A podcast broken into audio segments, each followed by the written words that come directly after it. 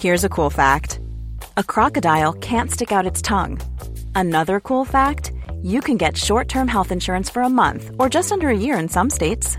United Healthcare short term insurance plans are designed for people who are between jobs, coming off their parents' plan, or turning a side hustle into a full time gig. Underwritten by Golden Rule Insurance Company, they offer flexible, budget friendly coverage with access to a nationwide network of doctors and hospitals. Get more cool facts about United Healthcare short term plans at uh1.com. Hej innebandy Sverige! Välkomna till det här avsnittet. Ett riktigt kanonavsnitt med Kevin Haglund. Han är ju en av världens bästa innebandyspelare och den nya svenska stjärnan. Det är han som är en av nyckelspelarna i svenska landslaget och i eh, Kalmarsund som jagar sitt första SM-guld. De gick ju till SM-final eh, tidigare det här året. Kevin han har ju spelat tre finaler eh, Eh, det senaste halvåret. Han har spelat VM-final, han har spelat SM-final han spelade ju final i USA i World Games. Eh, vi pratar om hans karriär och mycket annat. Eh, jag tänker att vi sätter igång det här avsnittet direkt. Ett riktigt kanonavsnitt.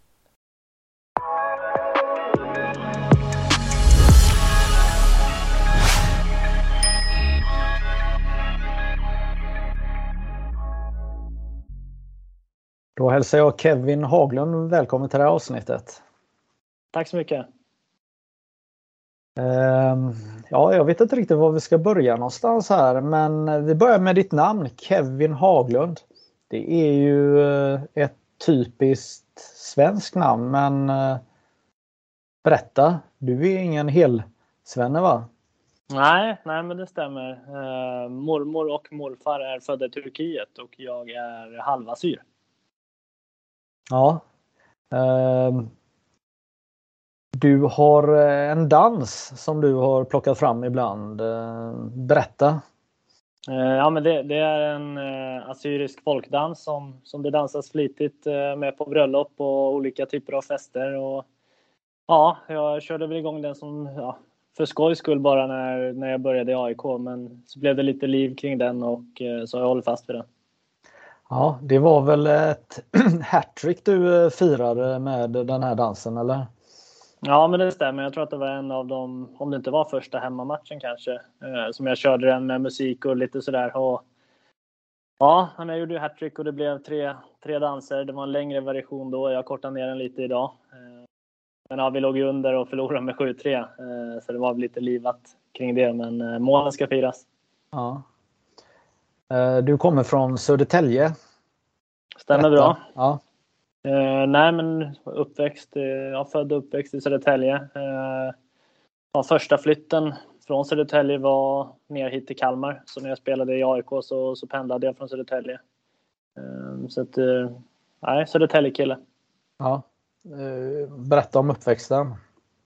Ja, nej men det har egentligen kretsat kring, eh, kring idrott. Eh, så jag skulle bli hockeyproffs och jag skulle bli bli lika bra som Linus Widell eh, och spela i Södertälje. Det var, det var mitt, mitt mål liksom, och mitt idrottande. Nu är ju Linus Widell tillbaka i Södertälje så att cirkeln kanske är lite halvsluten då. Men nej, så jag höll på med hockey. Satsade väldigt hårt på det. Spelade fotboll på somrarna för att ha lite konditionsträning till hockeyn och innebandyn var väl också lite mer så här, ja, men hade nära till hallen och, och det var bra teknikträning till hockeyn. Så att, ja, men egentligen fram till jag var, ja, om det var 14-15 där så, så kretsade allting kring att jag skulle bli hockeyproffs. Ja, var eh, skridskoåkningen fanns, allt fanns eller? eller var...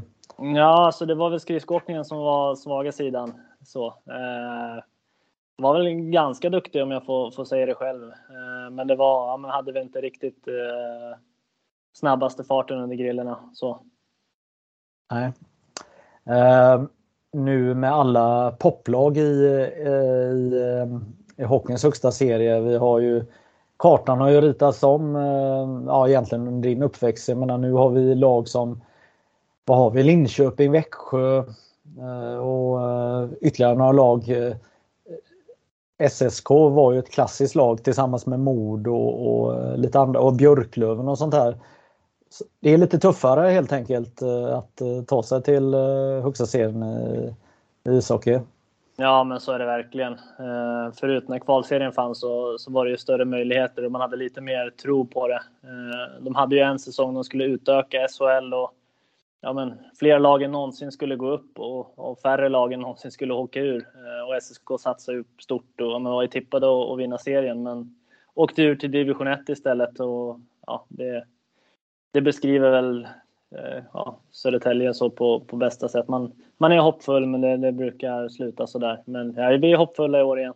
Ja, men hur känner du? Hur, hur, vem är du? Är du, jag menar, du har rötter från, eh, som inte är svensk. Känner du dig som 100% svensk eller 50% eller vad? vad Nej, jag har inte tänkt så mycket på det faktiskt. Eh, så, jag brukar väl säga att jag är liksom men, halvsvensk och halvassyr så, eh, om någon frågar. Eh, det är ingenting jag liksom ja, men, jag säger inte att det är varken det ena eller det andra. Eh, så, men, men ja, Kevin Haglund som sagt, det kanske inte ja, säger något annat än svenskt så, så man brukar inte få så mycket frågor. Eh, det är väl mer, lite, blir väl lite mer nu när man dansar till, eh, till den typen av musik och, och men eh, det är väl klart att man liksom under uppväxten har präglats av, ja, men jag har jättemånga kompisar som är ja, assyrier eller araber och syrianer och liksom så att det ja, eh, jag är uppväxt med den kulturen och eh, ja, men halva släkten det, det är den typen av bröllop, det är den typ av ja, men, julaftonar och ja, men, maten och, och så vidare. Jag är väldigt tacksam att jag fått liksom båda delarna. Ja. Ni, eh, eller det är ganska många som eh, har den bakgrunden som bor i Södertäljeområdet.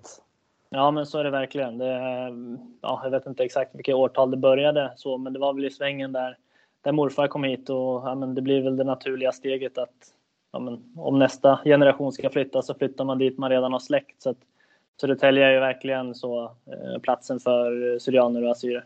Ja, vad, vad tyckte han om Sverige när, han, eller när de kom? Nej, men jag tror han tyckte det, det var väldigt bra. Eh, så han var Eh, och jobbade i Schweiz och sådär innan. Eh, och, ja, men jag, jag, tror att han hade det bra i Turkiet också så det var inge, ingen flykt hit. Men nej, jag tror han trivs bra. Han har ju ändå stannat här i bra många år. Så. Ja, vad, är det någonting han har blivit lite svensk? Vet du det eller? Nej, det skulle jag väl inte säga. Han har, han har fortfarande lite, ja, inte den, den bästa svenskan fortfarande, även om han är han, han går att förstå till, till 100 procent. Men det, det, är alltid roligt när han skriver efter matcher och, och sådär och ja, men, ska skriva bra jobbat men det blir bra eller ja, lite, lite roliga meningar kan man få sådär och det, nej, det är bara kul. Ja, vad tycker han om innebandy då? Nej, men eh, jag tror han tycker det är kul, men eh, sen är han väl inte en, en live-tittare så. Han, eh, han kollar en del text-tv och, och, och, följer den vägen. Men eh, Nej, han tycker det är kul att, kolla när det blir tv-sända matcher och sådär. Han, han brukar vara hemma hos familjen och, och kika sådär. Ja. Uh, ja du, vad, ska vi prata lite om hur allt börjar? Du, du började ju med innebandy väldigt tidigt i, vad het, hette de, Liston Hill? Liston Hill ja, stämmer bra det. Uh, jag var 5-6 år när, när jag började där. Ehm, den föreningen finns inte idag och jag tror inte den fanns jättelångt efter jag började spela heller. Ehm, jag vet inte om de hade herrlag i division 3 kanske sådär. Ehm, och ja, jag minns att tränaren eh, tyckte det var bra att hålla klubban med en hand. För då slapp man hålla på och byta fattning och så vidare när man skulle skjuta, när man skulle passa. Så det, det var väl inte bästa nivån på grejerna, men samtidigt så Hampus Arén har ju också Liston Hill som moderklubb och han springer med, med en hand. Så att, eh, ja, han kanske tagit åt sig därifrån. Ja, det är ju eh, ganska häftigt. Eh, två killar som är världsmästare som har den klubben som moderklubb då.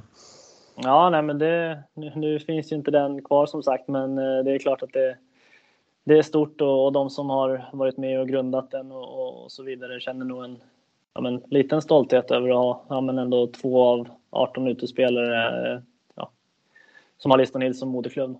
Mm. Men sen blev det en annan klubb under många år. Ja, jag eh, spelade i Tälje SIBK i stort sett hela, ja det var ju hela, alla ungdomsår och ja men eh, började med lite division 3, tre matcher, division 2 och så fick jag ja, en och en halv säsong i division 1 också innan jag gick vidare. Ja.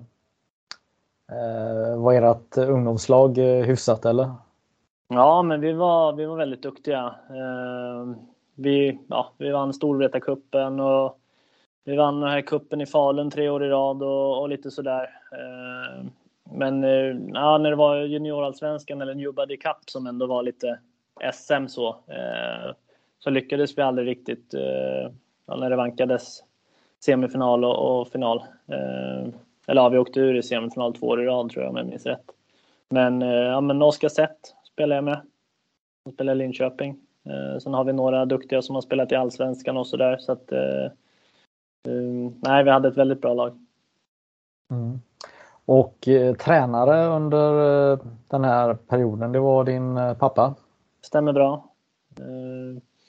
Har väl haft honom nästan alla, alla ungdomsår fram till, fram till eh, ja, juniorallsvenskan började. Eh, vi bodde väl kanske 50 meter från hallen så att, eh, det blev väldigt mycket extra träning och sådär. Jag, eh, ja, även om jag satsade på hockeyn så gick ju ändå ganska hårt för att, för att vara bra i innebandyn också. Eh, så. Ja. Hur kom det sig att han var tränare? Eh, ja, men när vi började i det laget så vet jag att eh, han fick frågan om att vara lagledare eller något sånt, bara hjälpa till. Och sen ja, men, var tränaren borta någon gång och då fick han frågan om att hoppa in och sen körde de tillsammans och så fortsatte han väl på det spåret. Ja, det är ganska smidigt för dig då att spela första femman, skjuta alla straffar och alla frislag, eller hur var det? Ja, exakt. Jag glömmer inte lagkapten också. Just det. Ja. Nej, men det... Jag tror att jag hade haft, ja, men tyckt det var jobbigare ifall jag hade eh, ja, men varit sämre. Så jag, jag var ju en av de bästa i laget på den tiden och det var liksom... Ja, eh, jag fick inga fördelar av att, eh, av att vara hans son. Det var snarare som att, att det var tuffare och för att han ville visa att han inte gav mig några fördelar. Lärde han er något då?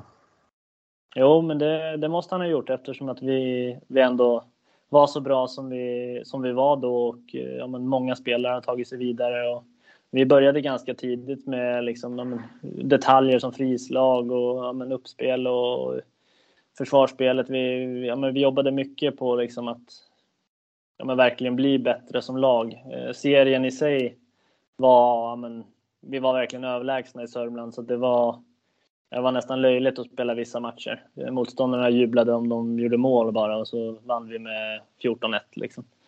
Eh, så vi, vi var ju tvungna att liksom hitta våra vägar och kom det upp någon bra spelare i något annat lag så gick de till oss och ja, det blev verkligen att vi var ensamma om att vara bra. Ja, Eh, spelar ni mycket turneringar? Vad, hur såg träningarna ut? Eh, vad, vad gjorde ni? Ja, det, om mitt minne var så bra. Eh, jag kommer faktiskt inte ihåg något träningsupplägg om, jag ska vara helt ärlig. Men vi åkte på en hel del turneringar och men många spelare fick chansen högre upp. Vi var väl ja, men, säkert upp mot 10 som spelade med 97-laget och men, eh, mötte bland annat Nykvarns 97-gäng som var väldigt bra på den tiden. Um, ja, och, och, vissa fick ju testa ännu högre upp. Jag vet att jag åkte på någon turnering i, i Tjeckien med 95-laget. Uh, jag kanske inte var riktigt redo. 96 kanske det var, men jag var Ja, men det var i den åldern där de verkligen hade hunnit växa till sig och det, det hade inte jag hunnit göra. Uh, så det var tufft men lärorikt. Ja, flög du som en vante eller? Ja, men, men så var det verkligen. Och, och det var, ja, men, man var fortfarande rädd när, när backarna laddade för slagskott. ville man inte bli träffad av bollen. Och, eh, nej, så att, eh, det har väl hänt lite sedan dess. Ja, vad lärde du dig av det då? Nej, men man lärde sig väldigt mycket av att liksom, man, man fick jobba mycket hårdare. Eh, man fick tänka, tänka till. Man, fick, ja, men man var tvungen att bli smartare hela tiden eh, och anpassa sig. Eh, tills, ja, men, ja, jag är ingen muskelknutte idag men jag orkar springa mer och men, eh, kan stå på mig ännu bättre. Så sen är det klart att det är ett helt annat spel från ungdomsinnebandyn men eh, man fick jobba i underläge och men, man fick lära sig inte ta någon skit. Du eh, engagerade också i klubben. Du, du, var inte bara spelare. Du eh, ställde upp som eh, ungdomsledare och allt möjligt. Eller vad, vad gjorde du under de här ungdomsåren?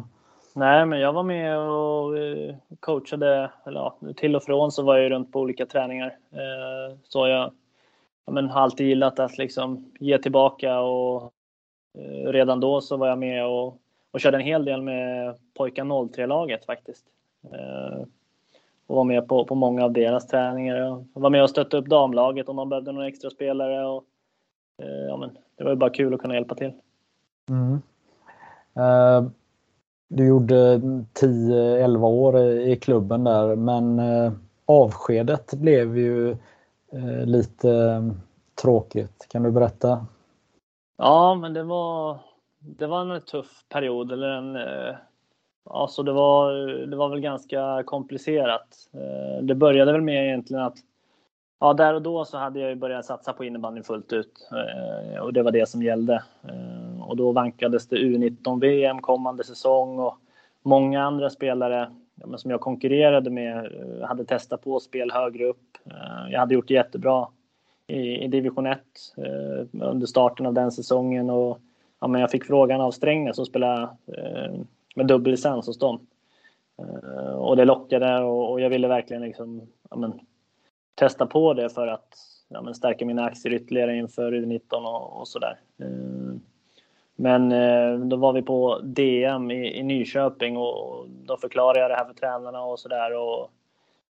Ja, eh, då fick jag inte spela mer under den turneringen och ja, man fick sitta själv med, med fyra vuxna. Och, ja, det, det var en, eh, ett tufft samtal för mig som ensam och ändå relativt ung. Ehm, där jag egentligen bara liksom, eh, ville testa, testa spel på högre nivå dock var kvar då, på dubbellicens med Telge fortfarande.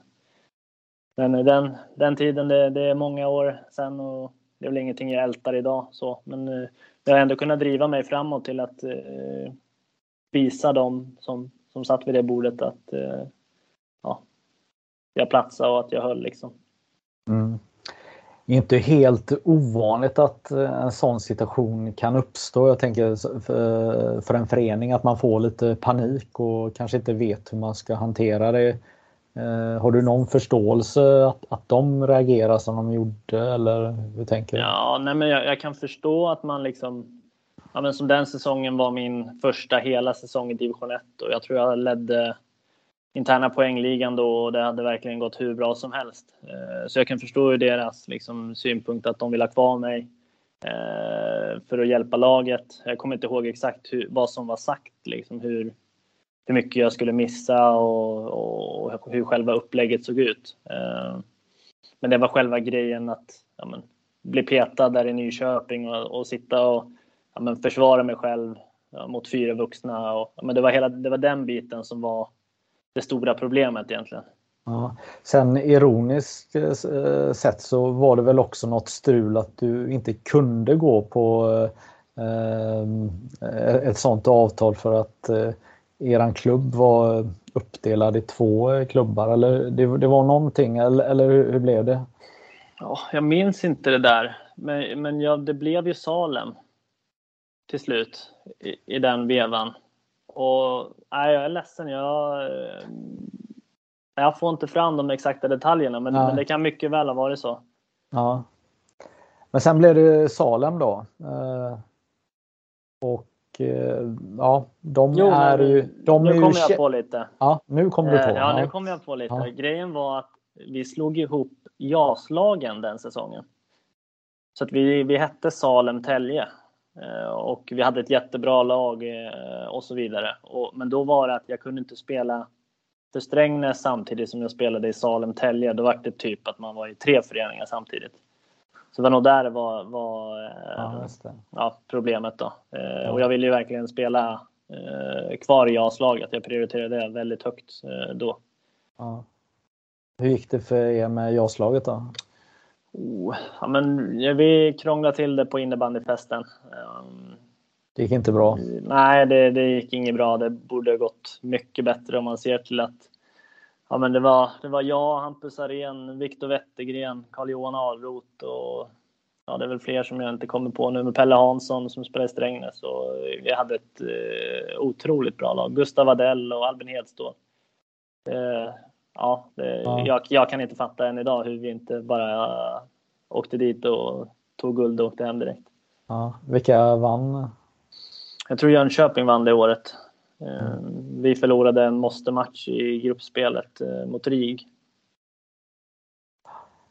Det är ju i de här junior-SM och det, ibland kan det vara sjuka marginal, små marginaler som avgör om man går långt eller inte. Jag, jag, har varit med om det genom årets eh, lopp att det har varit otroligt eh, små marginaler. Uh, ja, men eh, Salem, eh, om man inte kommer från Stockholmsområdet så vet man inte vad det är för något. Vad, vad är det? Ja, det, det är en liten håla 15 minuter utanför Södertälje, eh, eller norr om Södertälje. Söder om Stockholm då, om man kommer från det hållet. Ja, men som har lyckats fostra otroligt många, många bra innebandyspelare de senaste åren. Har men, verkligen vågat satsa på unga och tog sig upp i allsvenskan några säsonger innan jag kom dit. Och, ja, när det här konceptet liksom hela tiden ge unga chansen och så lyckades så lockade det ytterligare talanger eh, från närområdet. Mm. Eh, men eh, vad många inte vet är ju att du eh, debuterade i SSL med Pixbo Wallenstam. Mm. Ja, det är faktiskt inte många alls som vet. Eh, det hade de koll på i utvisningsbåset när jag var nere i Pixbo med Kalmarsund faktiskt. Men eh, jag hade ju Niklas Hedstål eh, som tränare i Salem och han var Ja, han gick ju till Pixbo och coachade dem. Och då var det ännu tajtare in på U19 och ja, men, fler hade testat på SSL och jag ville också göra det. Och då var det väldigt nära Storvreta faktiskt eh, från en början. Men Storvreta ville att ja, men, utgångspunkten skulle vara deras verksamhet och att det skulle bli Salem den tid som fanns över. Eh, och det vill ju Salem inte gå med på, eh, vilket är förståeligt. Eh, men då hittade vi en bra lösning med, med Pixbo, även om det var en bit att åka såklart. Ja, berätta vad, hur länge tillhörde du Pixbo? Eh, det blev faktiskt bara en match med Pixbo. Eh, för jag skadade foten ja, någon vecka efter jag spelade första matchen med Pixbo. Eh, så jag, varit, ja, men jag fick frågan samma dag tror jag. Det var många, många bortfall. Jag vet att Östholm var borta och vad hette han? Malmström var borta också. Eh, så man hade ju knappt något lag. Eh, fick jag bara samtal. Jag vill du spela match ikväll? Samma dag? Ja, jag har att det var samma dag. Och var befann du dig och vad var matchen? Ja, matchen var i Göteborg. Eh, så att jag eh, fick ju sätta mig på, på tåget, förklara snällt för lärarna att eh, ja, men jag måste åka för jag har match. Ja, är det någon bortamatch? Nej, det är hemmamatch, men i Göteborg. Så, så att jag, jag, fick sätta mig på tåget och så kom jag ju direkt till matchhandlingen då och hälsa på grabbarna och sen var det bara in och köra. Och ja, jag fick ju spela på två femmor den matchen så det var, det var in i hetluften direkt. Ja, den är ju eh, helt sjuk. Eh, så eh, få en tröja, prova den och sen gå ut och, spela i SSL. Och på två femmor också, så det är inte så att man satt där och käka knopp direkt. Utan... Nej, men precis. Och det vet att det, ja, men vi, vi gick ju på tre femmor, men sen i förlängningen så ja, men skulle vi gå ner på två och då, ja, jag tog väl för givet att jag inte skulle spela, men så så skulle jag spela och då var det nästan så här. Men jag minns att jag, jag satt nästan och skämdes över de som fick sitta istället. Där kom jag från ingenstans och de visste knappt vad jag hette och så var jag inne och spelade liksom. Men, ja, men då gick, då gick det hyfsat då? Ja, men helt okej. Okay. Jag var otroligt nära och, och stänka dit.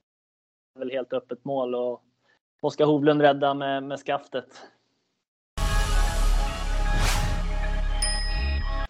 Ja, det är otroligt kul att eh, höra om din eh, karriär hittills. Det är ju mycket kvar att uppleva men det är också massa eh, märkliga saker som har hänt runt din karriär hittills. Det var väl i AIK här så var det väl en bil som brann upp innan en träning. Berätta, vad hände?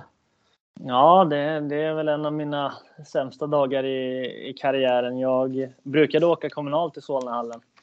Eh, men just den dagen så missade jag tåget och var tvungen att, att ta bil. Eh, så skulle jag hämta Jonte Hjelm på, ja, men hemma hos honom i Huddinge och på vägen dit så ja, det, var, det snöade, det var väldigt kallt ute, men jag såg att det rök lite från motorn. Men tänkte inte mer på det. Jag tänkte väl bara att ja, det är, det är kallt ute och bilen är varm typ. Eh, men det blev varmare och varmare i bilen. Eh, tog av mig jackan, tog av mig tjocktröjan, satt i t-shirt där och ja, men, ja, det var väldigt varmt. Eh, sen när jag kom fram utanför hans hus så gick in och så ja, men, sa jag men jag tror att det ryker från min bil.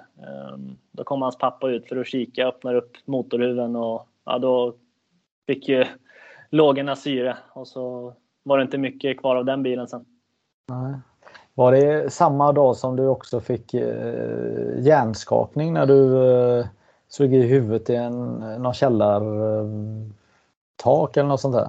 Ja, det stämmer bra. Eh, jag hann få ut mina innebandyklubbor ur bilen. Eh, fick ut ett bilbatteri som också låg i bilen. Och så när jag kom hem, det blev ju ingen träning. Eh, så när jag kom hem så skulle jag bara lägga ner det här batteriet i källaren istället för att ha det ståendes i lägenheten. Och ja, då skulle jag springa upp för trapporna, men första trapp, trappsteget följde liksom inte med som, ja, det var platt.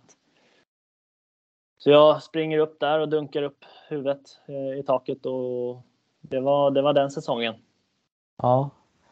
ja, det låter ju he helt galet. Det är nästan som man tänker, hade det inte varit bättre att sagt att du bara ville gå ut med polarna och gå på bio än att dra hela den här rövarhistorien? Nej, men det, jag har fått bekräftat att det här eh, har hänt. Så att, eh, ja. ja, nej, jag vet att Binge, eh, eller det var många spelare som hörde av sig efter träningen när Binge drog frånvaron innan och sa att nej, Kevin kommer inte för bilen brann upp. Det var inte så många som, som trodde på mig då. Han trodde inte på mig heller till en början för den delen, men jag fick förtydliga att jag kommer inte för bilen brinner. Nej. Och sen finns det en historia om att du eh, drack Coca-Cola under, eh, var den på en utvisningsbänken? Ja, men det stämmer. Eh, det har jag kört. Eh, ja, det, det har blivit en hel del Coca-Cola genom åren. Eh, började väl egentligen med uppe i AIK efter träningarna så köpte jag alltid en cola av vaktmästaren och så eh, ja, men tog jag med det när jag åkte kommunalt hem. Eh, men Binge var ju skogstokig på vaktmästaren och ja, men tyckte han skulle sluta sälja till mig, men då började jag plocka med eget istället. Uh, sen kommer jag inte ihåg hur det började liksom.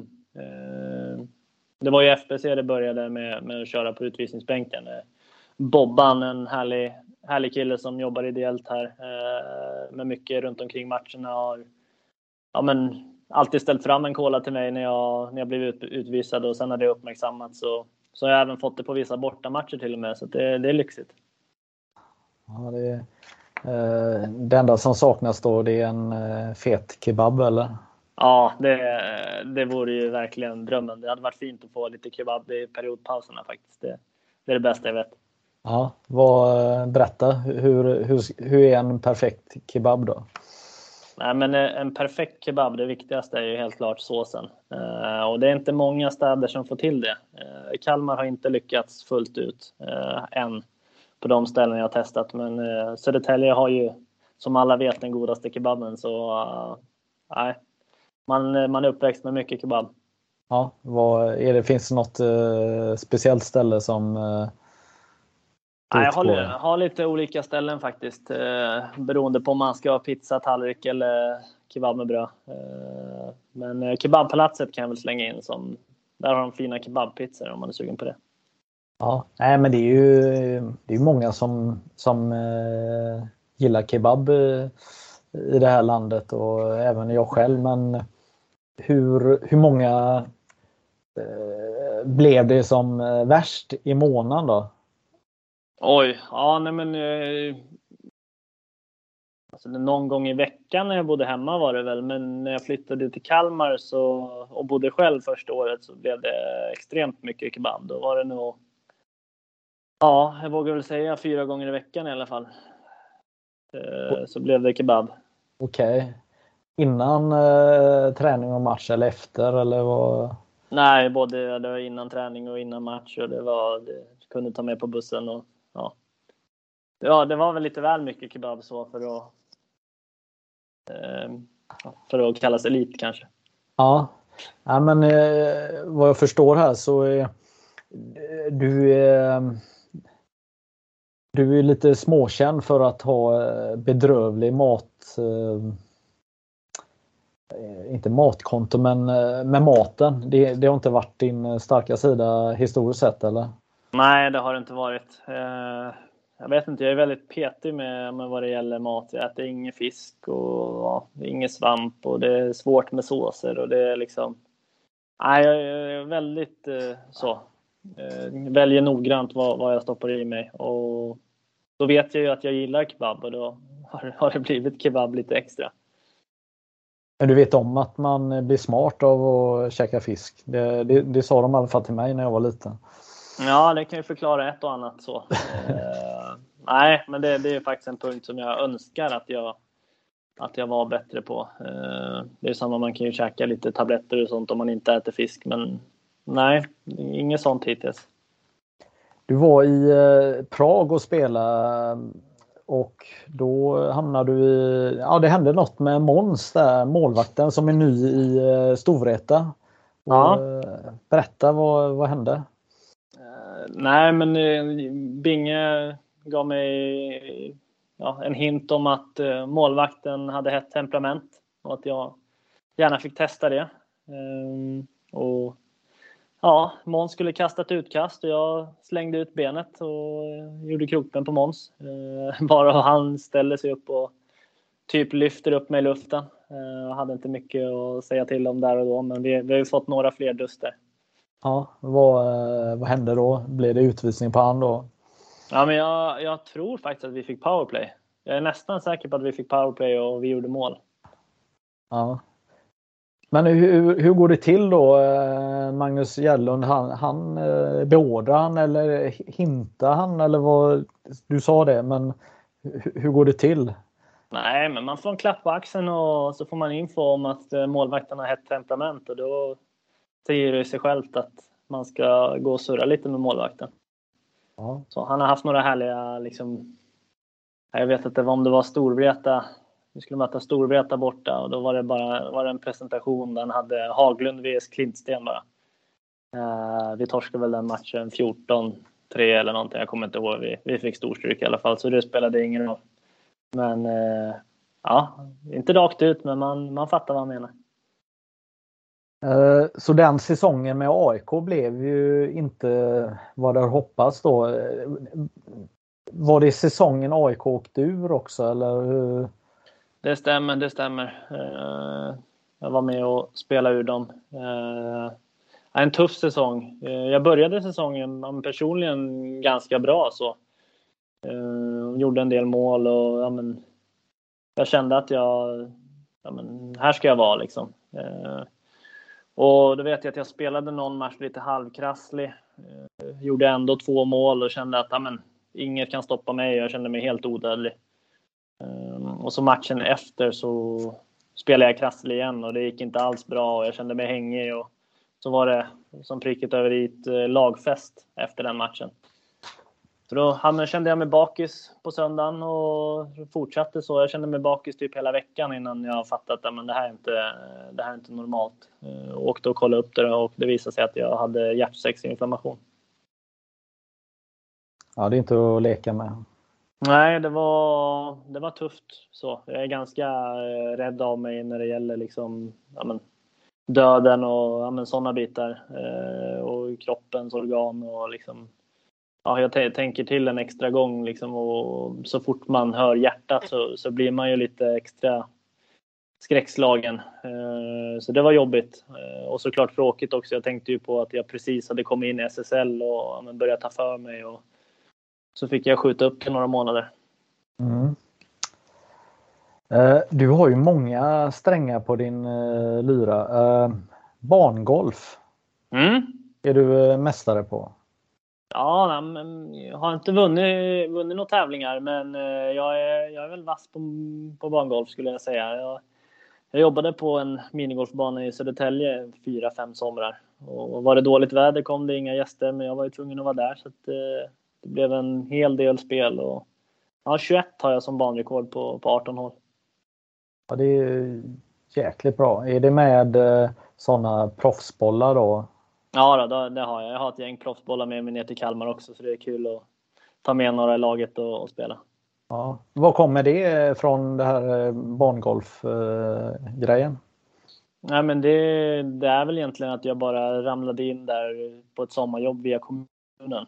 Eh, så här tre veckors sommarjobb och sen fick jag frågan och de behövde folk hela sommaren. Då vart jag kvar och sen fick jag mer och mer ansvar och de sista två somrarna var det nästan som man drev stället själv. Det låter som att ehm, att det inte var eh, fullt med folk hela tiden för det låter ju som att eh, du också kunnat eh, träna lite eller? Ja, nej, men jag tror att det var en sommar var jag uppe i 500 runder.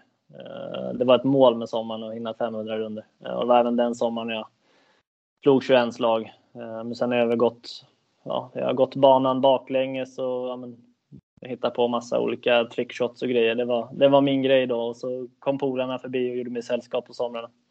Mm. Ja, det är härligt. Jag eh, vet att jag pratade med Janne Täke som uppfann eh, Zorrofinten. Eh, och han jobbade ju som vaktmästare på så idrottscenter med massa sporthallar och han hade ju också massa timmar över och försökte klura ut olika finter och det var då det kom att han började och lyfta och hitta det här. Så att så man ska inte underskatta de här extrajobben. Eh, så. Det, man vet inte vad som kan hända. Nej, så är det verkligen. Mm. Och eh, Jag vet att det var någon som räknade på, gjorde någon sån här uträkning när det gäller minigolf. Om man skulle starta en egen bana, om man bygg, att, att bygga en bana och sen då hur många gäster man behöver e-, eller, eller spelare. Men gick de här banorna bra eller hur, hur, hur eh? Ja, men det gjorde de. Eh, I Södertälje ligger de jättefint i vattnet så att eh, när det var fint väder så ja, men, det kom in en väldigt massa kunder och ja, men, sen lockade väl jag dit lite extra och det var kompisar som var förbi och sådär. Eh, men det var bra drag. Ja. Uh, du har vunnit Kemikampen uh, som anordnas av Chalmers universitet. Vad, vad är det? Berätta. Eh, nej, men det var en kemitävling som eh, pågick över hela Sverige när jag gick i nian. Eh, då kunde man tävla klassvis och vinna lite priser och sen kunde man tävla individuellt också. Eh, då var det olika, olika filmsnuttar eh, ja, men, med information om kemi och sådär och sen under filmernas gång så dök det upp olika kemifrågor då, eh, som man skulle svara rätt på så snabbt som möjligt. Jag eh, minns inte om det höll på i 12-15 veckor eller något sådär. Eh, och så men, samlade man delpoäng och vann olika priser varje vecka och sådär. Men till slut så stod jag som segrare. Ja, och vad eh, tänkte din kemilärare i nian om det? Vad, vad fick du för betyg i skolan? Eh, nej, det blev ett A direkt där. Eh, hon, var, hon var väldigt eh, stolt och imponerad. Eh, men det vart väl kanske lite väl hypat eh, i efterhand. Så allt, allt vad det gällde kemi efter den tävlingen, ja, eh, jag tror att jag hade lite fördelar Ja. Hur såg dina betyg annars ut i skolan? Nej, men väldigt bra i, i grundskolan. Så ja, men A eller B i, i det mesta. Så förutom bild och syslöjd det hade jag otroligt svårt för. Eh, jag kanske hade haft lättare för det om jag hade gått in med en bättre inställning men eh, jag gav det inte riktigt chansen. Nej. Nej men det låter ändå bra. Hade du lätt för dig i skolan eller kämpade du? Nej men jag har, jag har haft lätt för mig i skolan. Sen ja, men, såg jag det, vi, vi hade ett gäng eh, klasskamrater som var ganska duktiga och det blev en liten tävling i sig och vem som skulle få bäst betyg och, och lite sådär. Så att, eh, ja, vi triggade varandra eh, till att plugga mer också. Så att jag var ja, men, ganska flitig eh, under den tiden. Mm. Uh, ja du, uh, vad ska man mer uh, gå in på? Du, du eh, du gillar att engagera dig i de klubbarna du är med i. Du, du vill gärna, eh, kanske inte upp på räcket, men du gillar att stå i, i klackar i, i dina klubbar.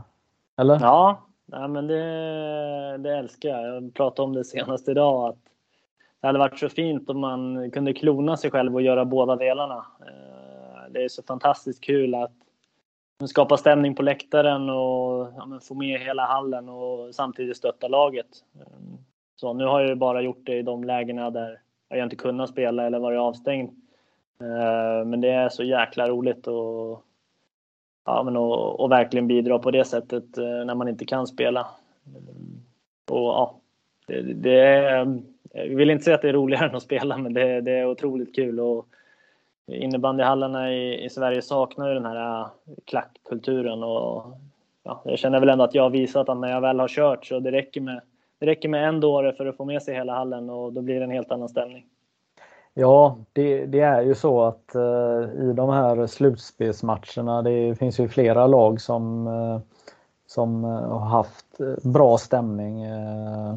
Och då blir ju upplevelsen även för alla, ja, egentligen alla i hallen, eh, både publiken tycker ju att det är roligare och, och ni spelare såklart. Ja, nej men så är det verkligen. Eh, nu vart det ju bättre och bättre för oss under slutspelets gång med dels den egna klacken men även att ja, men när vi började få klack så ville de andra lagen inte vara sämre. Så att uh, slutspelsserien mot Växjö var ju helt galen i, i klackväg och match sju, alltså trycket när vi gick in inför nationalsången när båda klackarna körde. Det vet jag inte om jag har upplevt i någon annan match faktiskt. Det, det fullständigt kokade där inne. Ja, det måste ju vara fantastiskt kul att eh, eh, dels spela en match sju men eh, också då när, när publiken är lika taggad som ni är. Ja, nej, men verkligen. Det var, nej, det var sån tryck och, och pulsen steg lite grann. Och vi hade ju Växjö-supportrarna i ryggen samtidigt som vi, som vi såg våran klack och det var ju hur många som helst. Och, eh, så stod man där och visste att ja, om 3 gånger 20 minuter så kommer ett, ett gäng vara glada och ett gäng vara deppiga. Eh, så det var, nej, det var en jättehäftig känsla.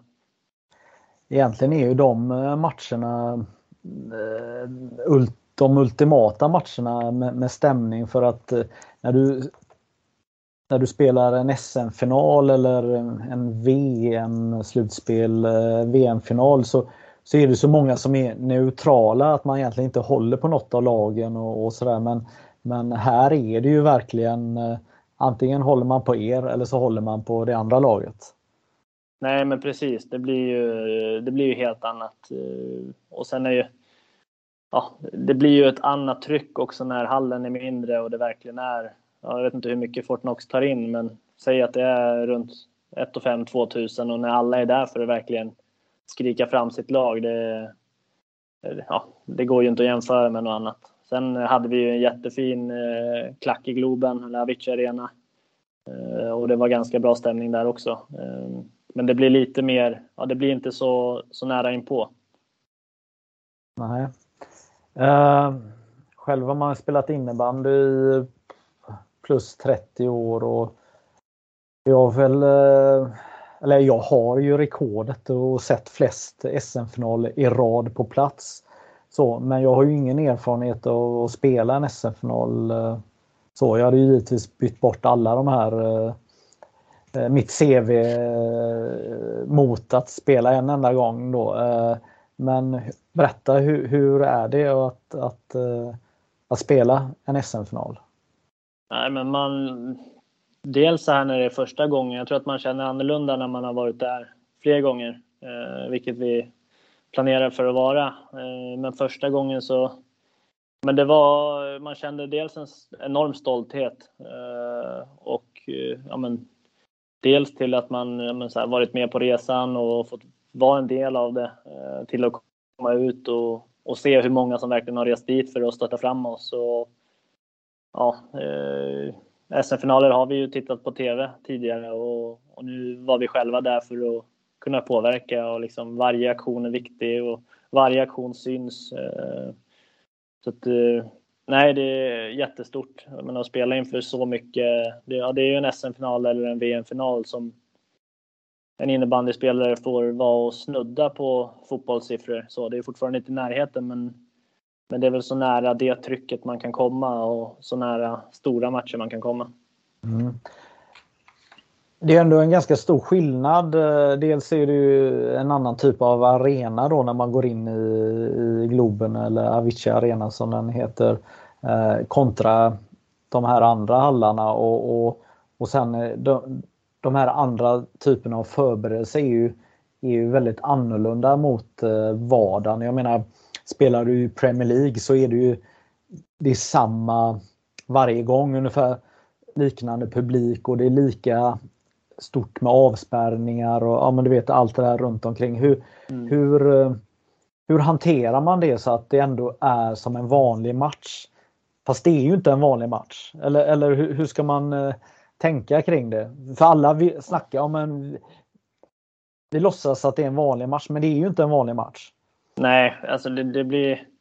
Jag tror att eh, alla hanterar det olika. Eh, så. Och olika spelare får ju ta lite olika ansvar eh, i beteende inför. Och, eh, ja, men, som jag hann ju och skaffa mig lite erfarenheter av eh, ja, men, efter VM eh, och spela inför stor publik och, och sådär.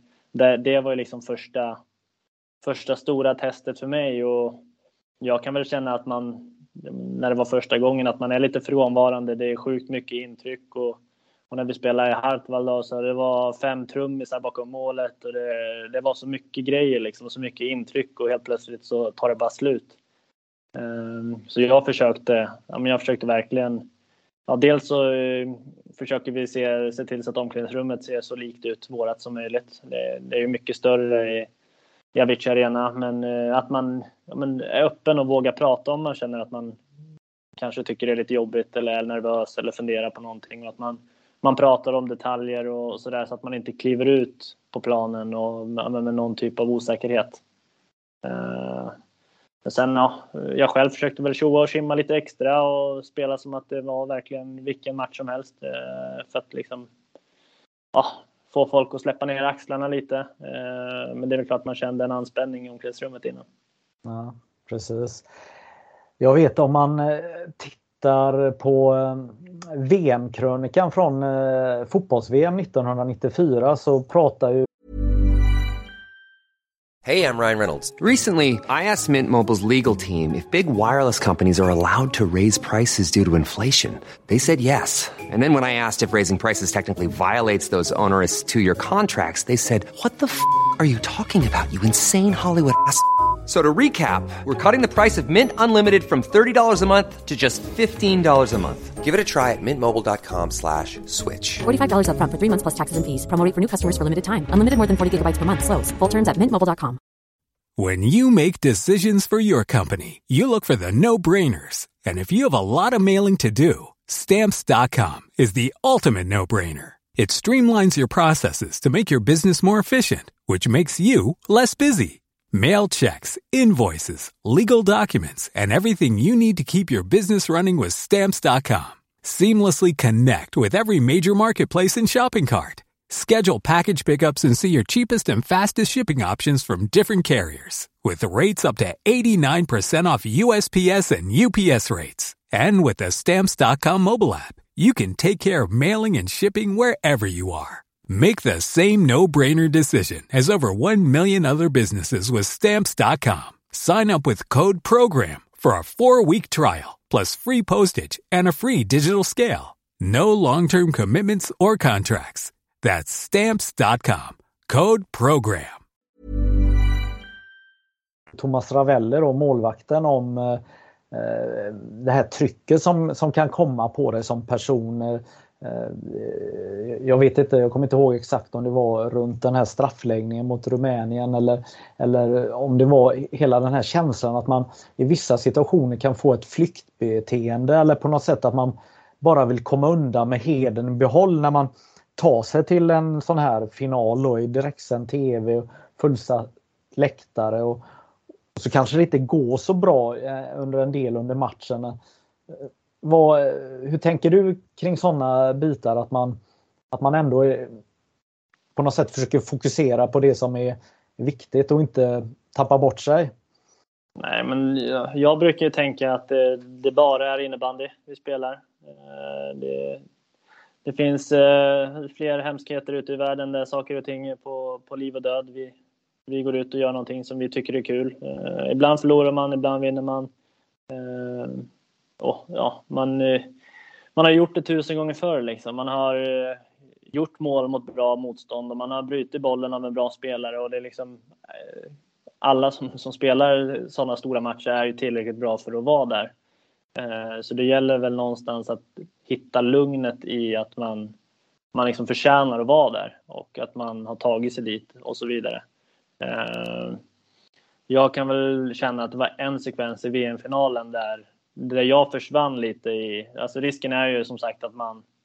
Ja, eh, att bubblan spricker och man får in alla intryck runt omkring och Eh, vi ledde 4-2 ju och så var det ett powerbreak tror jag. Och då minns jag att jag tittade upp mot tavlan och tänkte 10 minuter kvar, sen är vi världsmästare. Bytet efter klev in och släppte in mål. Då började man liksom titta sig runt i arenan och bara shit, det, det är bara 10 minuter kvar liksom. Och då direkt så, så small det i baken. Ja, du pratar om VM-finalen mellan Sverige och Finland i Hartwall Arena och eh, jag måste faktiskt eh, hålla med dig för jag stod ju bakom eh, finnarnas mål där och, eh, när ni gör 4-2.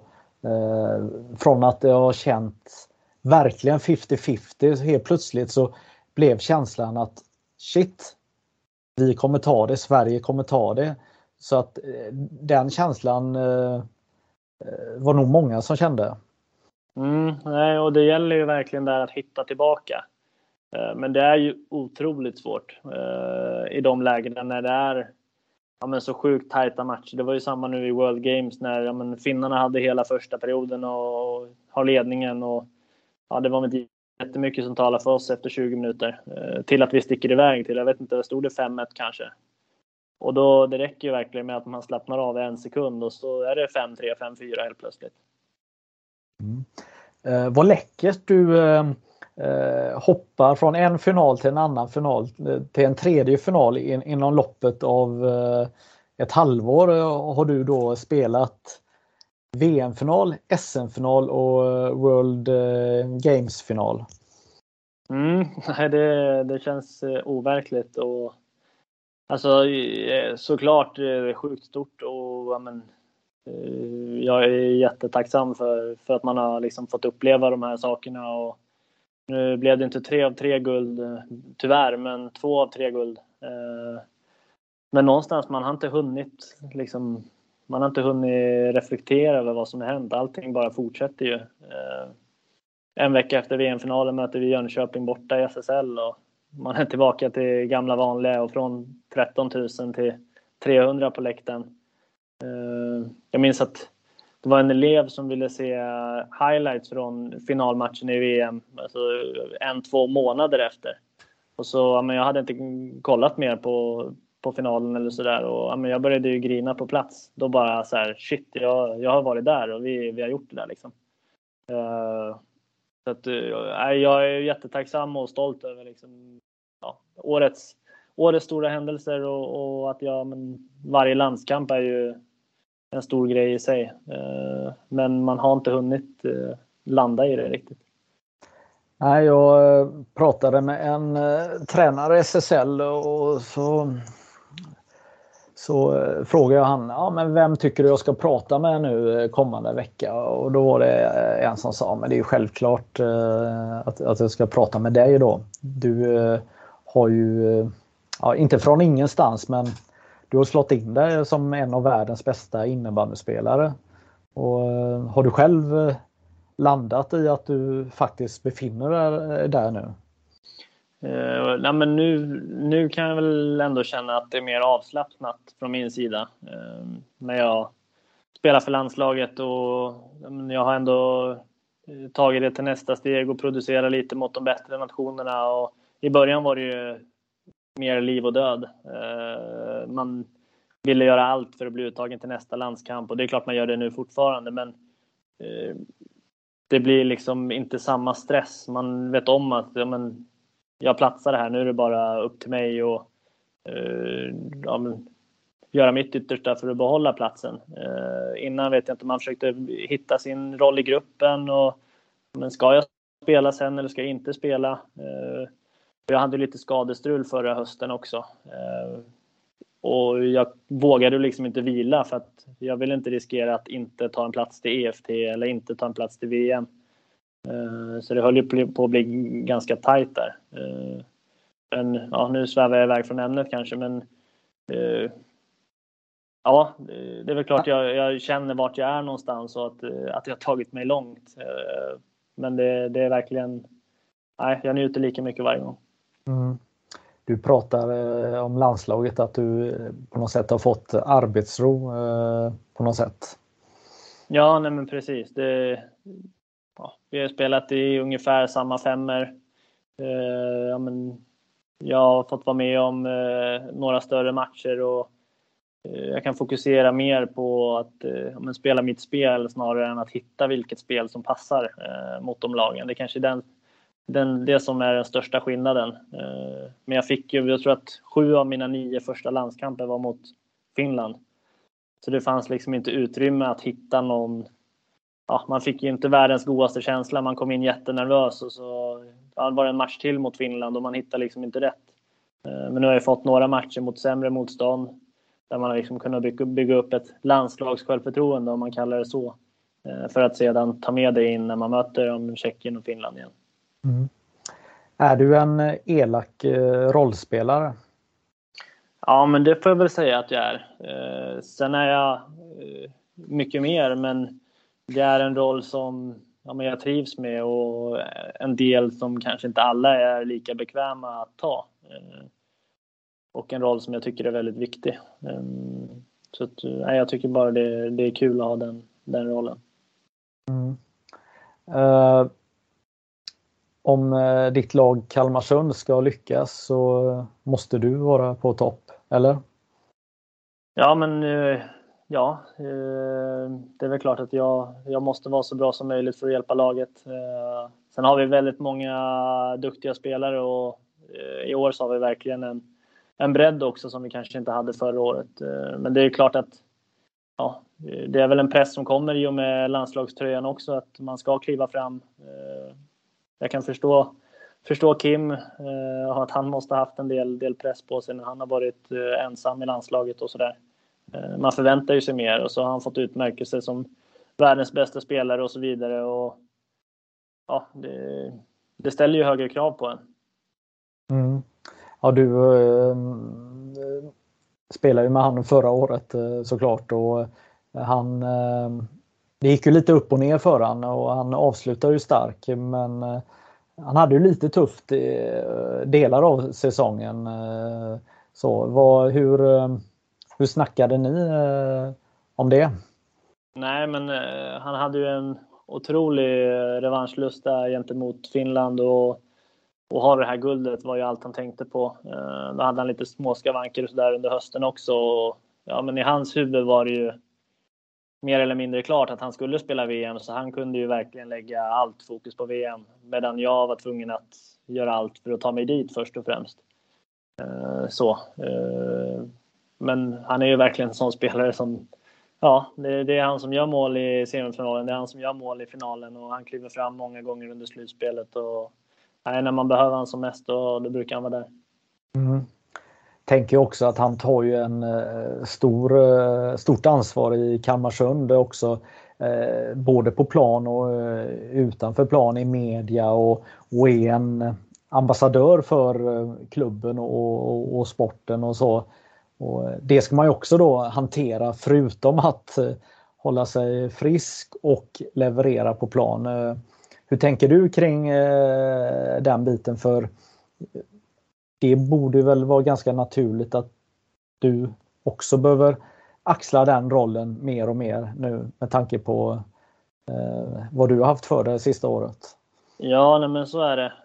Det är ju det blir ju mer medialt och ja, det är fler som kollar på en, det är fler som känner igen en. Det, ja, det blir ju verkligen mer fokus på en när man, när man är med i landslaget. Eh, och det kräver ju också ett större ansvar kring men, kanske vad man säger i media eller hur man beter sig på planen eller vad man gör utanför planen och så vidare. Nu säger jag inte att, säger jag inte att jag springer runt och stökar eh, och sådär, men eh, det blir ju lite vi som, som får visa vägen för gruppen på något sätt. Sen har vi ju väldigt många ledare i laget eh, i övrigt också.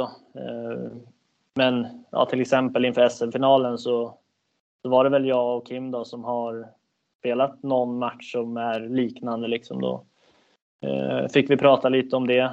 Eh, även schweizarna och ja, men Langer också. Eh, fick ju prata om sina erfarenheter av större matcher inför publik och man kan agera bollplank och, och sådär. Jag pratar ju själv jättemycket med Kim om ja, jag har ju ingen aning om hur ett VM skulle vara inför. Eh, och han berättar mycket om hur det kunde vara med stämning och rutiner innan match och, och sådär som gav mig ett lugn. Mm. Exakt. Um, och uh vi vill ju att den här idrotten ska ta några steg fram och du kommer ju vara här en av de här eh, profilspelarna om du, om du eh, fortsätter leverera och, och då när eh, mikrofonen kommer fram så behöver man ju leverera. Jag tänker på eh, senaste VMet här när, när Nilsbert verkligen bjöd på sig själv och gjorde ett uttalande som, som behövs i innebandyvärlden som gör att, att det blir lite uppmärksamhet och att eh, allt inte behöver vara så himla polerat på något sätt och att det också kanske är en uppmaning att det är så vi lite måste jobba också och vara spontana. Hur tänker ja. du kring det? Nej, men jag har väl aldrig varit någon som håller igen heller i att säga vad jag tycker eh, och tänker. Sen kanske jag inte tänker jättelångt när jag är i affekt direkt efter en match eh, eller sådär, eh, eller en periodpaus för den delen. Men alltså, jag tycker att alla bara ska säga det de tycker och eh, Nilsbert gjorde det. Och det är väl klart att förlorande sidan störde sig på det. Ja, det hade kunnat vara tvärtom och så vidare. Så det, en kul grej bara. Jag, jag såg inget problem alls med det uttalandet. Nej, egentligen inte uttalandet jag är ute efter utan mer att, att man faktiskt eh, att det är viktigt att, eh, att man som innebandyspelare när Sveriges Television står där med mikrofonen att man på något sätt ändå levererar och försöker kanske inte bjuda på en show men att man ändå tar i eh, ända från knäna när man eh, levererar och inte bara säger att ah, men det var kul att vi vann utan att man eh, på något sätt eh, jag menar det finns ju många som gör det eh, i mediavärlden på alla sätt medan vi i innebandyn är lite försiktiga. Nej, så är det verkligen. Men det, det känns som att innebandyn är en sport som det kan ju vara för att den inte är så stor, men det känns som att allt blir så jäkla personligt hela tiden. Uh, och jag tror att det är därför det kommer så mycket alibisvar. Uh, men det är väl klart att innebandyn måste ta för sig mer eh, under den korta tv-tid eh, vi får. Eh, det är väl VM och SM-final, annars är det ju ingenting som når ut till andra än ja, Sportexpressen-följare. Nej, precis. Ja, men det är ju faktiskt lite eh, roligt så här med för att ehm, eh, när man exempelvis bevakar ett VM då så finns inte så mycket att bevaka och, och så säger vi att att ni förlorar en gruppspelsmatch mot, eh, mot Finland. Då. Mm. Eh, och då när man försöker då komma som reporter och, och ställa en fråga så här, ja men varför förlorar ni? Då kan man faktiskt eh, mötas av eh, så här lite psykoblickarna. Vad fan, eh, varför frågar du mig det? Men, men det är ju ganska naturligt. Mm. Jag menar, om jag kommer fram med en mikrofon och, och ni har förlorat med 4-3 i en gruppspelsmatch. Så det är självklart, man vill ju veta varför. Eller tycker du att man bara ska eh, prata om de positiva sakerna? Att ja, men det var härlig stämning på, på läktaren eller vad?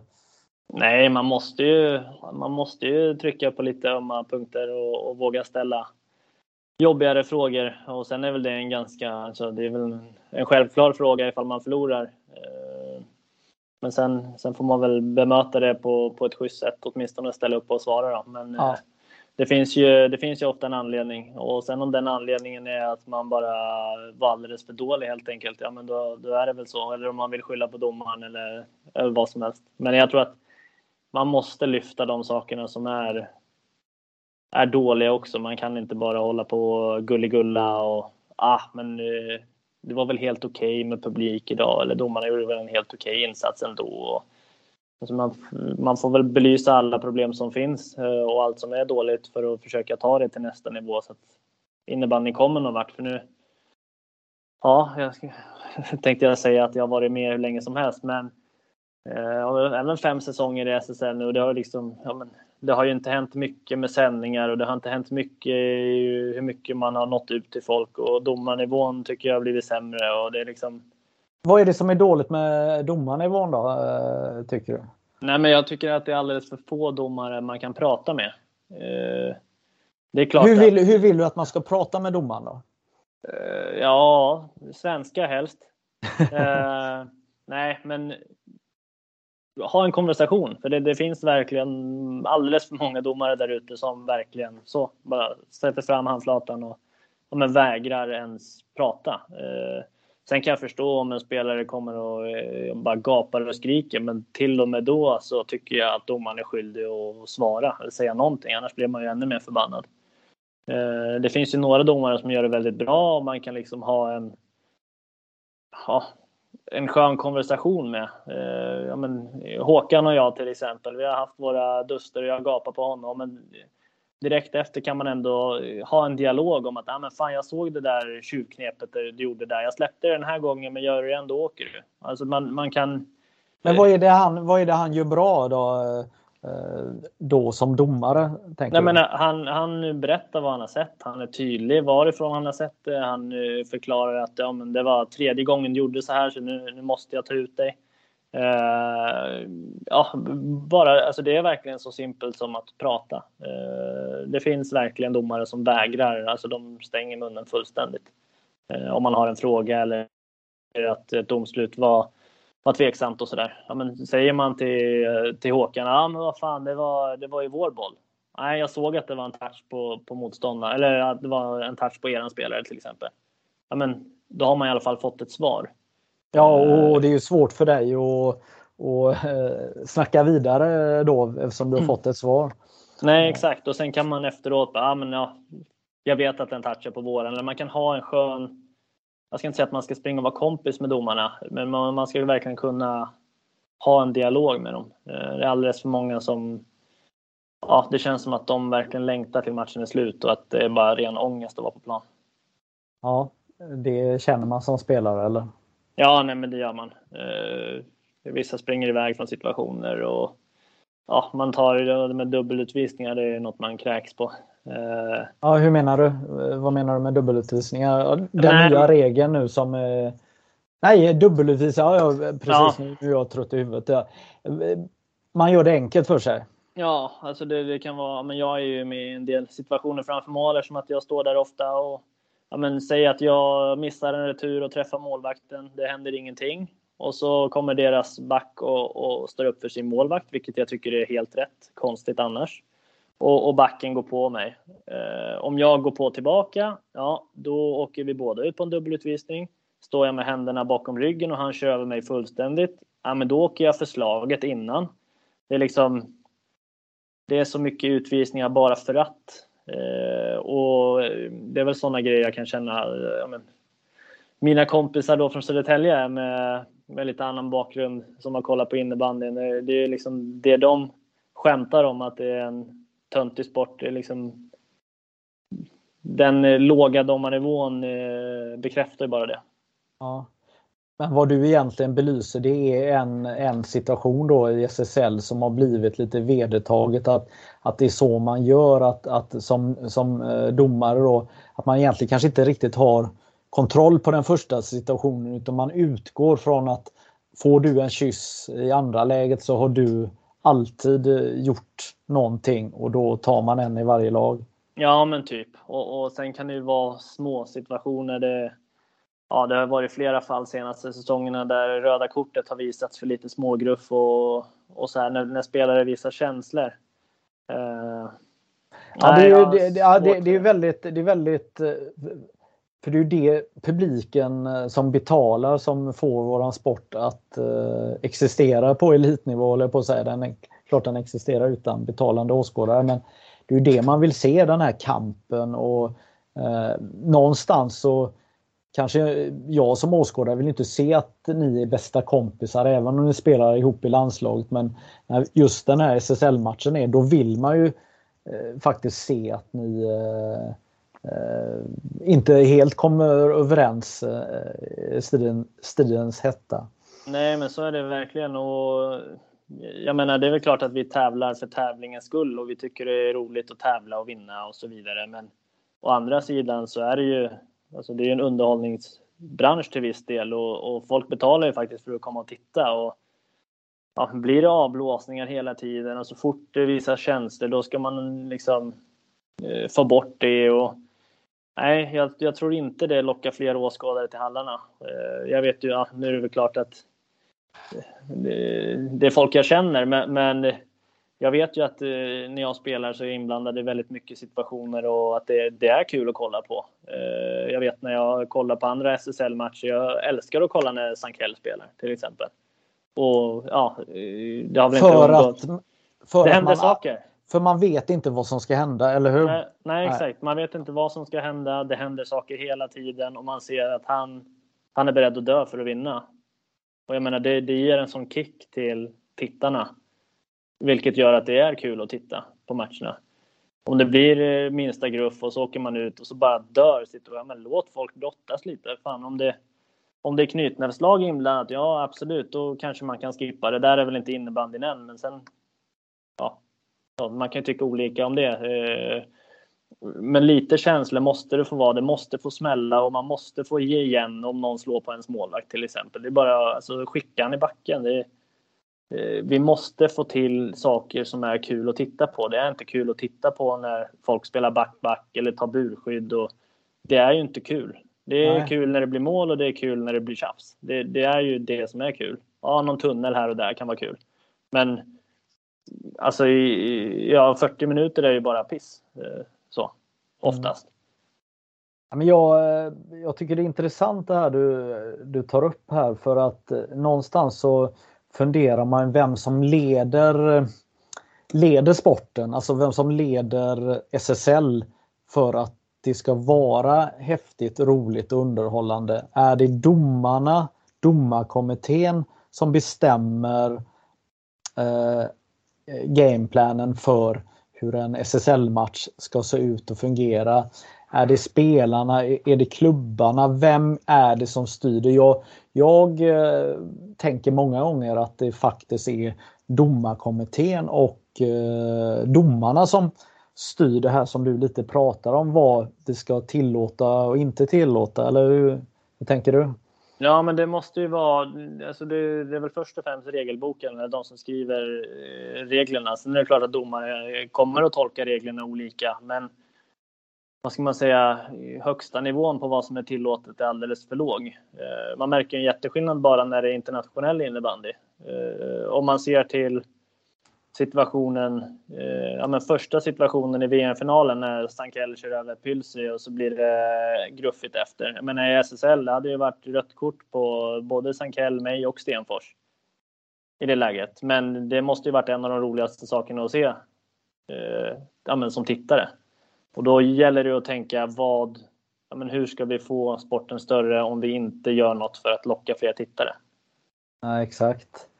Uh sen om man eh, vänder på situationen här, det är ju det är en hel del av de som tittar och lyssnar på det här som kanske har eh, domarperspektivet eller förbundsperspektivet. Men vad, vad kan spelarna göra eller vad kan eh, spelare som du göra för att för att eh, klimatet tillbaka till, eh, till domaren blir bra.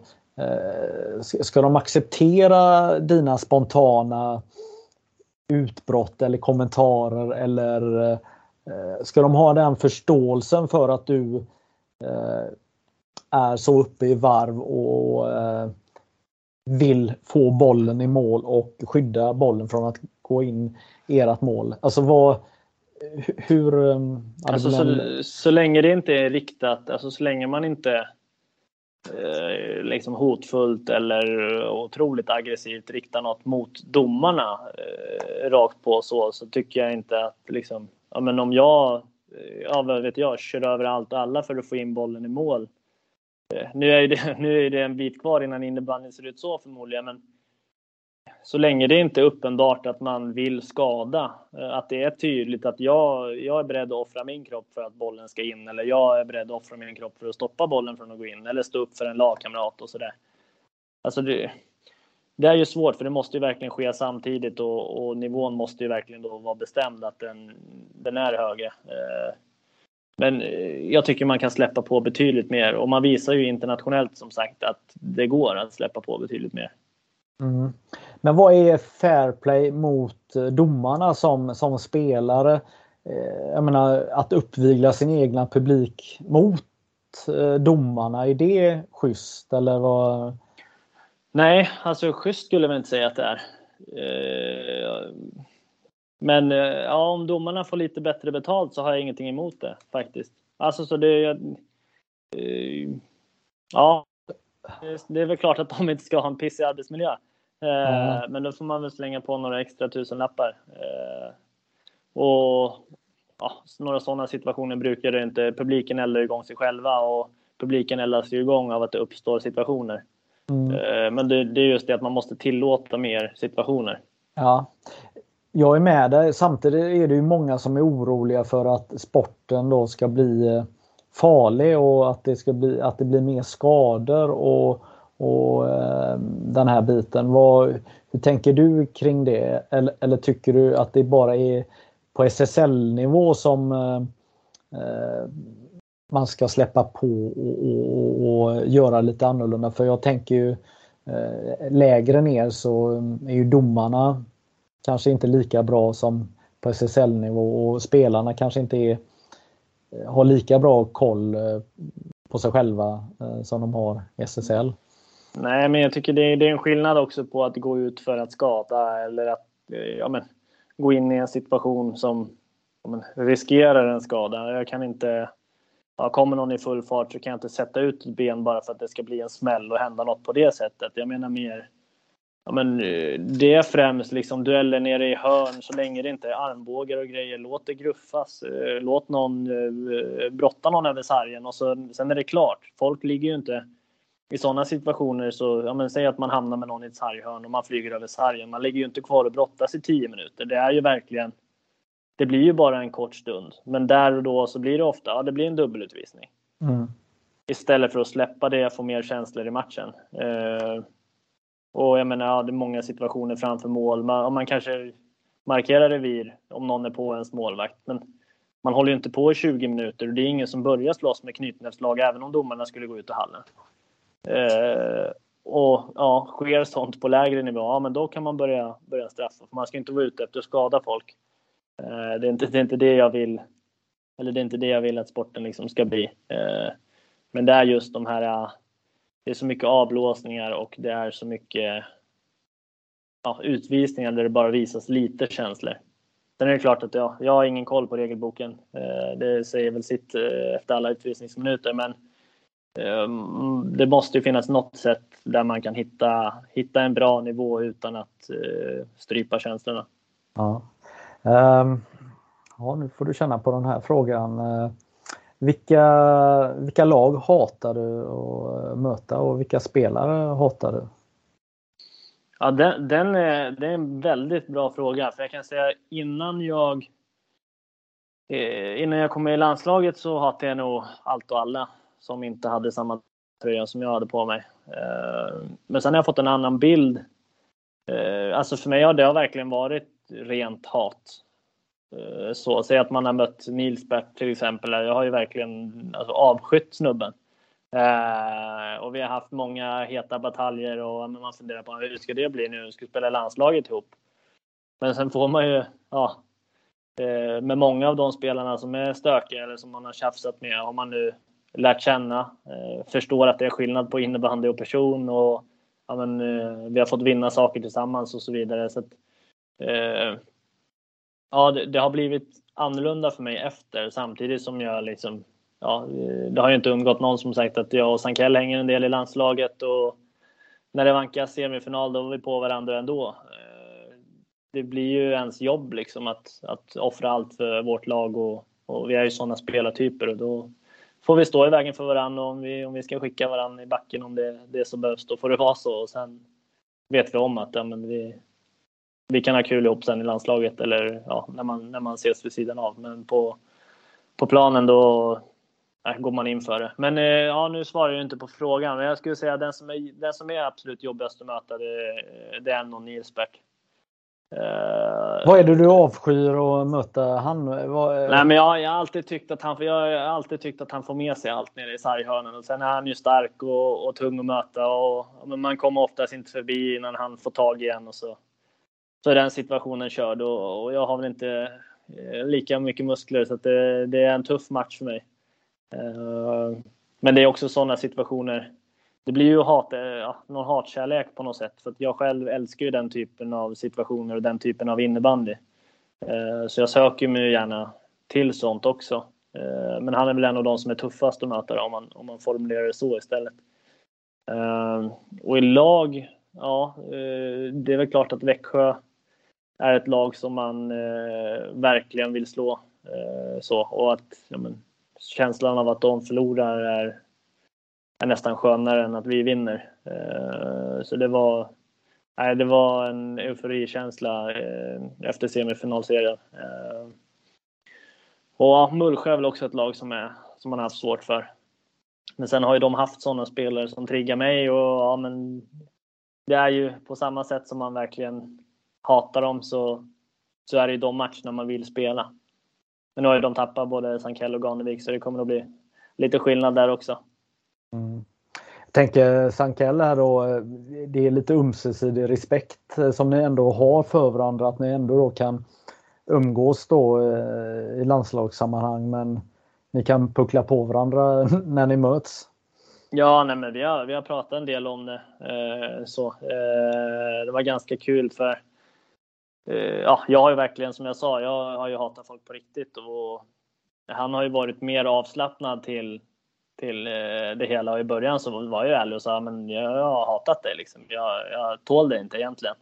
Men han bara, fan du släpper inte det eller? Eh, och ja, men, vi har ju hittat varandra i att vi är väldigt lika i, i spelstil och spelsätt och sådär.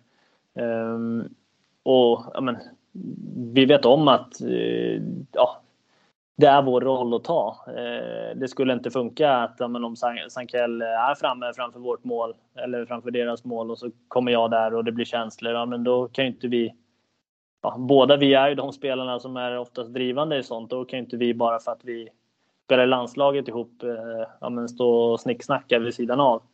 Eh, det är ju två olika tröjor man bär och jag menar när, när jag spelar här i FBC så kommer jag att göra allt för att Sankell ska förlora allt mot oss, liksom att det ska gå eh, skitdåligt för honom. Men medan i landslaget så, så vill han det bästa liksom. Ja, men det låter som att han eh, gillar dig för att du är rak och ärlig och, och är man nog att säga det face to face att fan, jag har hatat dig eller jag hatar dig eller ja, har gjort det. Eller? Ja, nej, nej, det har varit, jag skrattar mycket åt det och det är samma när vi har bott ihop och mina kompisar har ringt och så här. Vad fan, bor du med Sankell? Han är ju, du, du har ju sagt att han är helt dum i huvudet. så att det, det, vad säger du då? Vad säger du till dem då? Att du spöade han precis eller? Ja, nej, jag säger bara det är han fortfarande. Man kan ha kul ändå. ja, men det, ja, men det är härligt. För, för det är också det här eh, när man blir eh, landslagsspelare och etablerad så så möts man ju ofta i de här eh, avgörande matcherna. Eh, hur ska man förklara om, om man översätter det här till fotbollslandslaget eh, så är det inte den typen av eh, konkurrenssituation. Jag menar, där är ju alla utspridda över hela världen eh, mer eller mindre medan ni är ju verkligen ja, ni möter varandra. Är det semifinal i SM så är ju nästan alla landslagsspelare samlade i de klubbarna. Mm. Nej, och det är verkligen så. Eh, det är ju de ledande spelarna, eller det, det säger väl sig självt, men det, det, är ju de ledande spelarna också. Så att det är ju liksom inga... Eh, ja, det är ju inga eh, tredje line eller fjärde line spelare man, man möter och, och liksom ska försöka vara sitt rätta jag emot, utan det är ju det är de ledande spelarna och det är spelare som är vana att vinna och spelare som har spelat eh, viktiga matcher och ja, men är proffsiga i sitt sätt att vara. Jag, jag kan ju inte ändra på mitt spel som har tagit mig till landslaget bara för att jag möter en landslagsspelare till exempel. Exakt.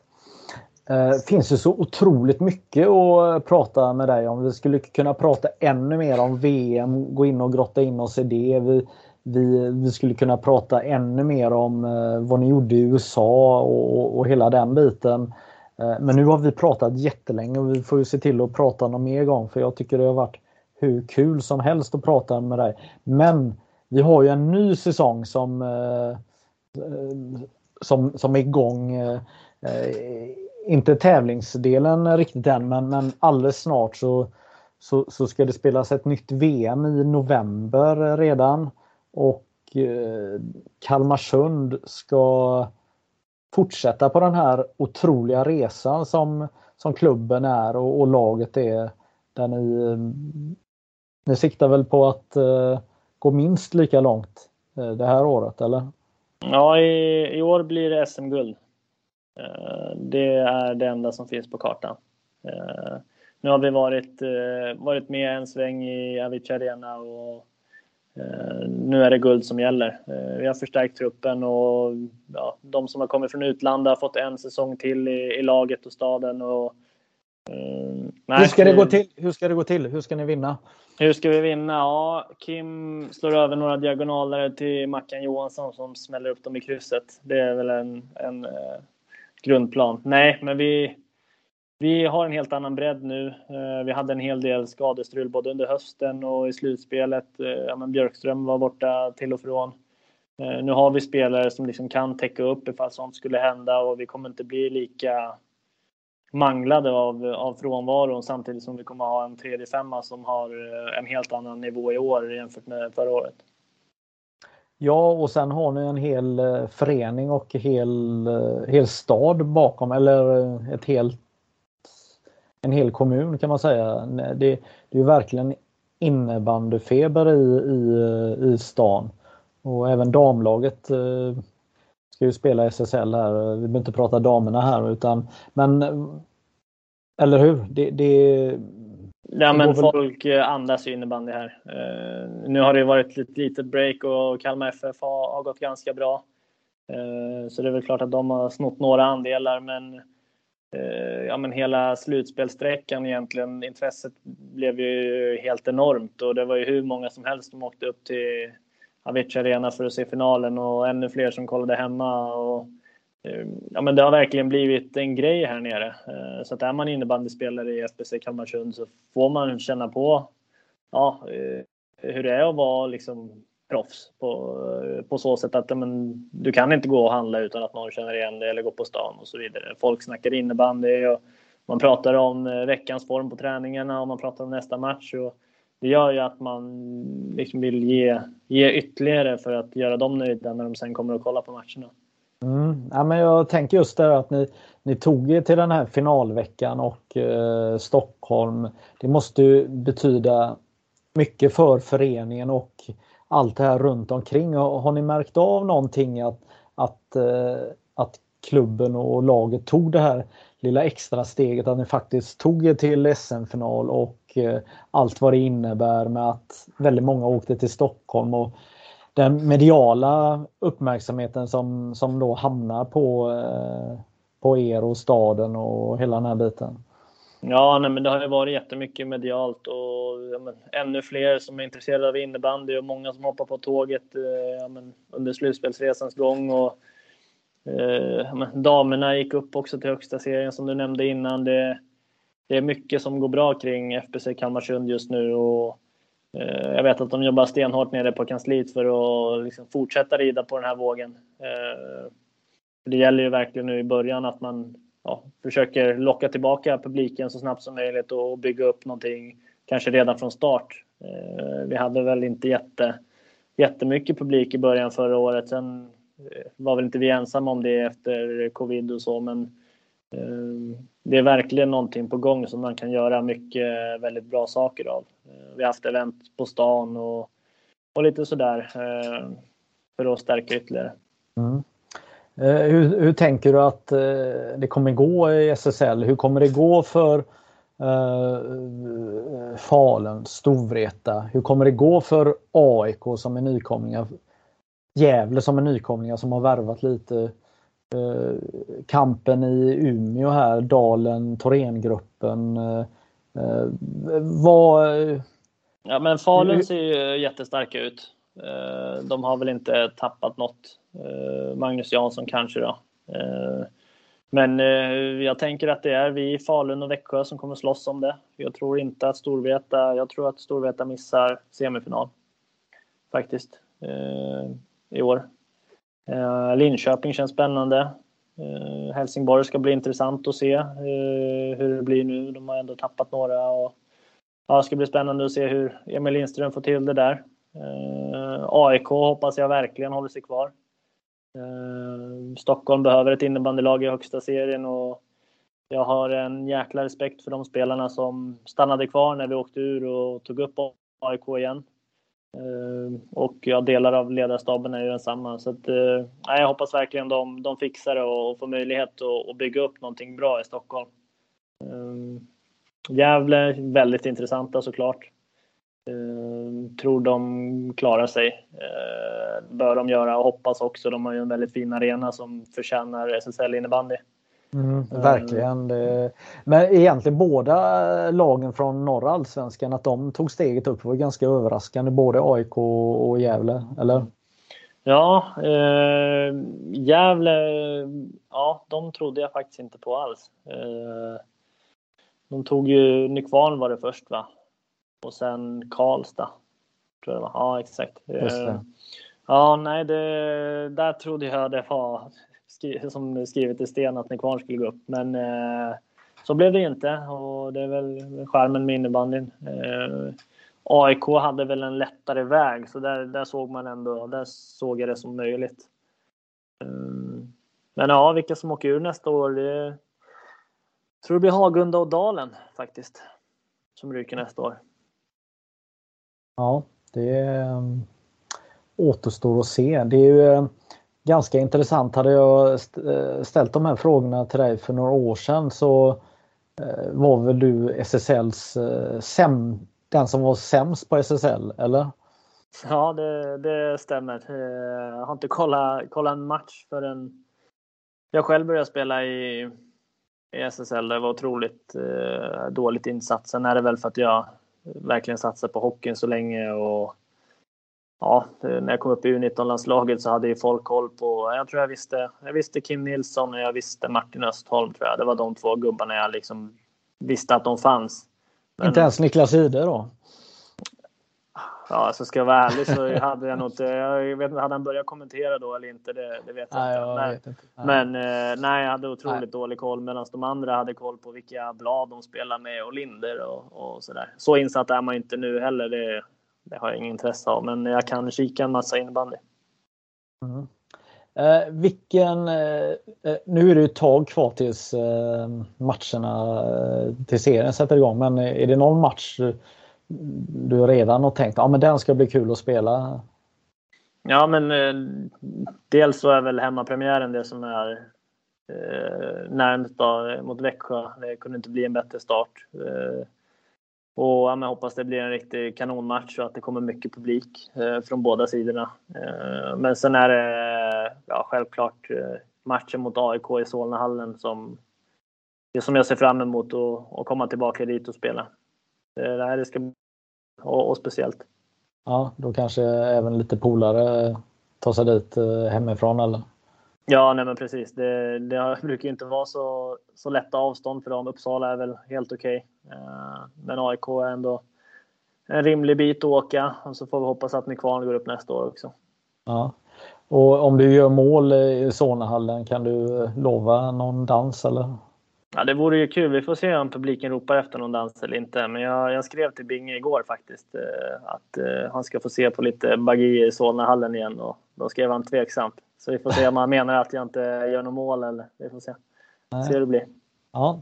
Eh, du, eh, jag tänker att vi, eh, Kevin, här avslutar det här samtalet. Jag, jag måste säga ett av de roligaste samtalen jag haft här i den här podden. Eh, du är ju helt grym. Eh, skitkul att eh, höra dig berätta om din kärlek för kebab och allt annat här. Vad, hur tycker du att det gick? Nej men trevligt att surra. Man, man kommer in efter ett tag och så blir det ett naturligt samtal. Så det är alltid gött att surra lite. Ja. Vad, ehm, vem är den bästa hockeyspelaren? Nu ska vi avsluta här men nu ställer jag bara lite alla som orkar lyssna kvar här, nu kommer ni få höra eh, krämet här. Men vilken är den bästa hockeyspelaren genom tiderna? Eh, och eh, i Södertälje också då, vilken är den bästa hockeyspelaren? Om vi börjar med hockeyspelaren, vilken är den bästa hockeyspelaren? Oj. Ja, det är en bra fråga. Men det Connor McDavid gör just nu är ju... Ja, han är från en annan planet. Så att jag får väl säga se honom även om han håller på nu. Eh, jag har inte sett eh, så många av de äldre gubbarna. Eh, men i Södertälje så, så Robert Karlsson, det, det, är min absoluta favorit och han, det hänger en bild på honom i omklädningsrummet också. Det var en riktig kämpe för SSK. Då tänker jag att vi avslutar med det. Tack så mycket för att du ville vara med. Fint. Tack själv.